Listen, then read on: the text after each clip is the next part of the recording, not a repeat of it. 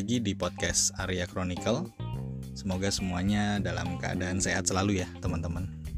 Terima kasih untuk uh, teman-teman semua yang sudah menyempatkan mendengarkan podcast saya yang sebelumnya tentang tanggung jawab sosial dan lingkungan.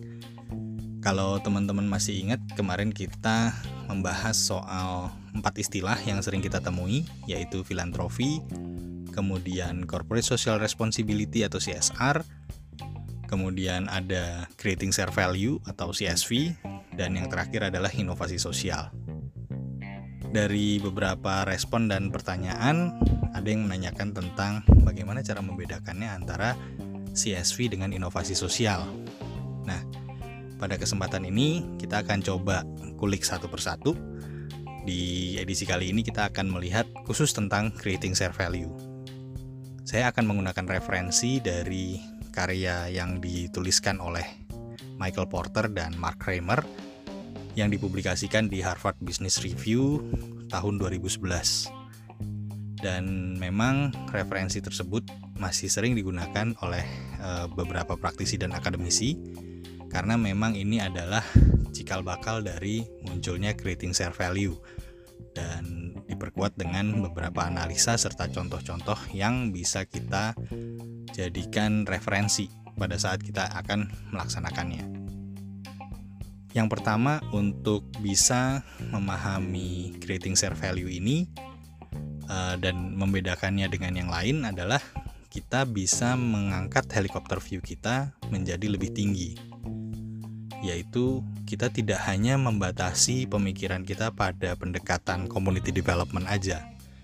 Jadi nggak cuma pengembangan masyarakat gitu ya, tapi kita harus lihat dengan skop yang lebih lebar.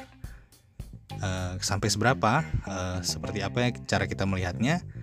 Yaitu dengan memahami proses bisnis kita dan memahami eksternalitas yang ditimbulkannya, sehingga kita bisa melihat uh, setiap sisi secara komprehensif.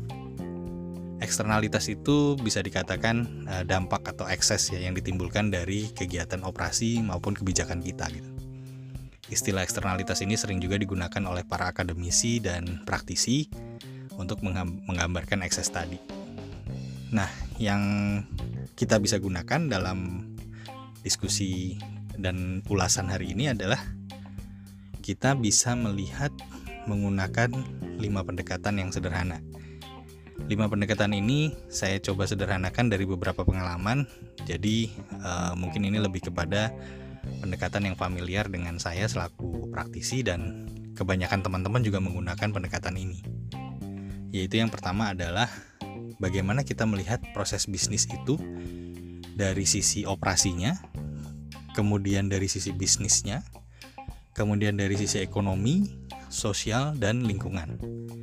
Jadi dari kelima aspek tersebut, mudah-mudahan bisa membantu membuat uh, sudut pandang kita menjadi lebih komprehensif untuk bisa memahami eksternalitas yang muncul dari proses bisnis yang kita jalankan. Uh, feel free aja, bebas aja bagi teman-teman yang ingin menambahkan atau mengurangi, uh, itu tergantung pada konteksnya masing-masing. Jadi ini hanya sebagai alat bantu untuk memudahkan analisa kita sebelum kita masuk ke creating share value.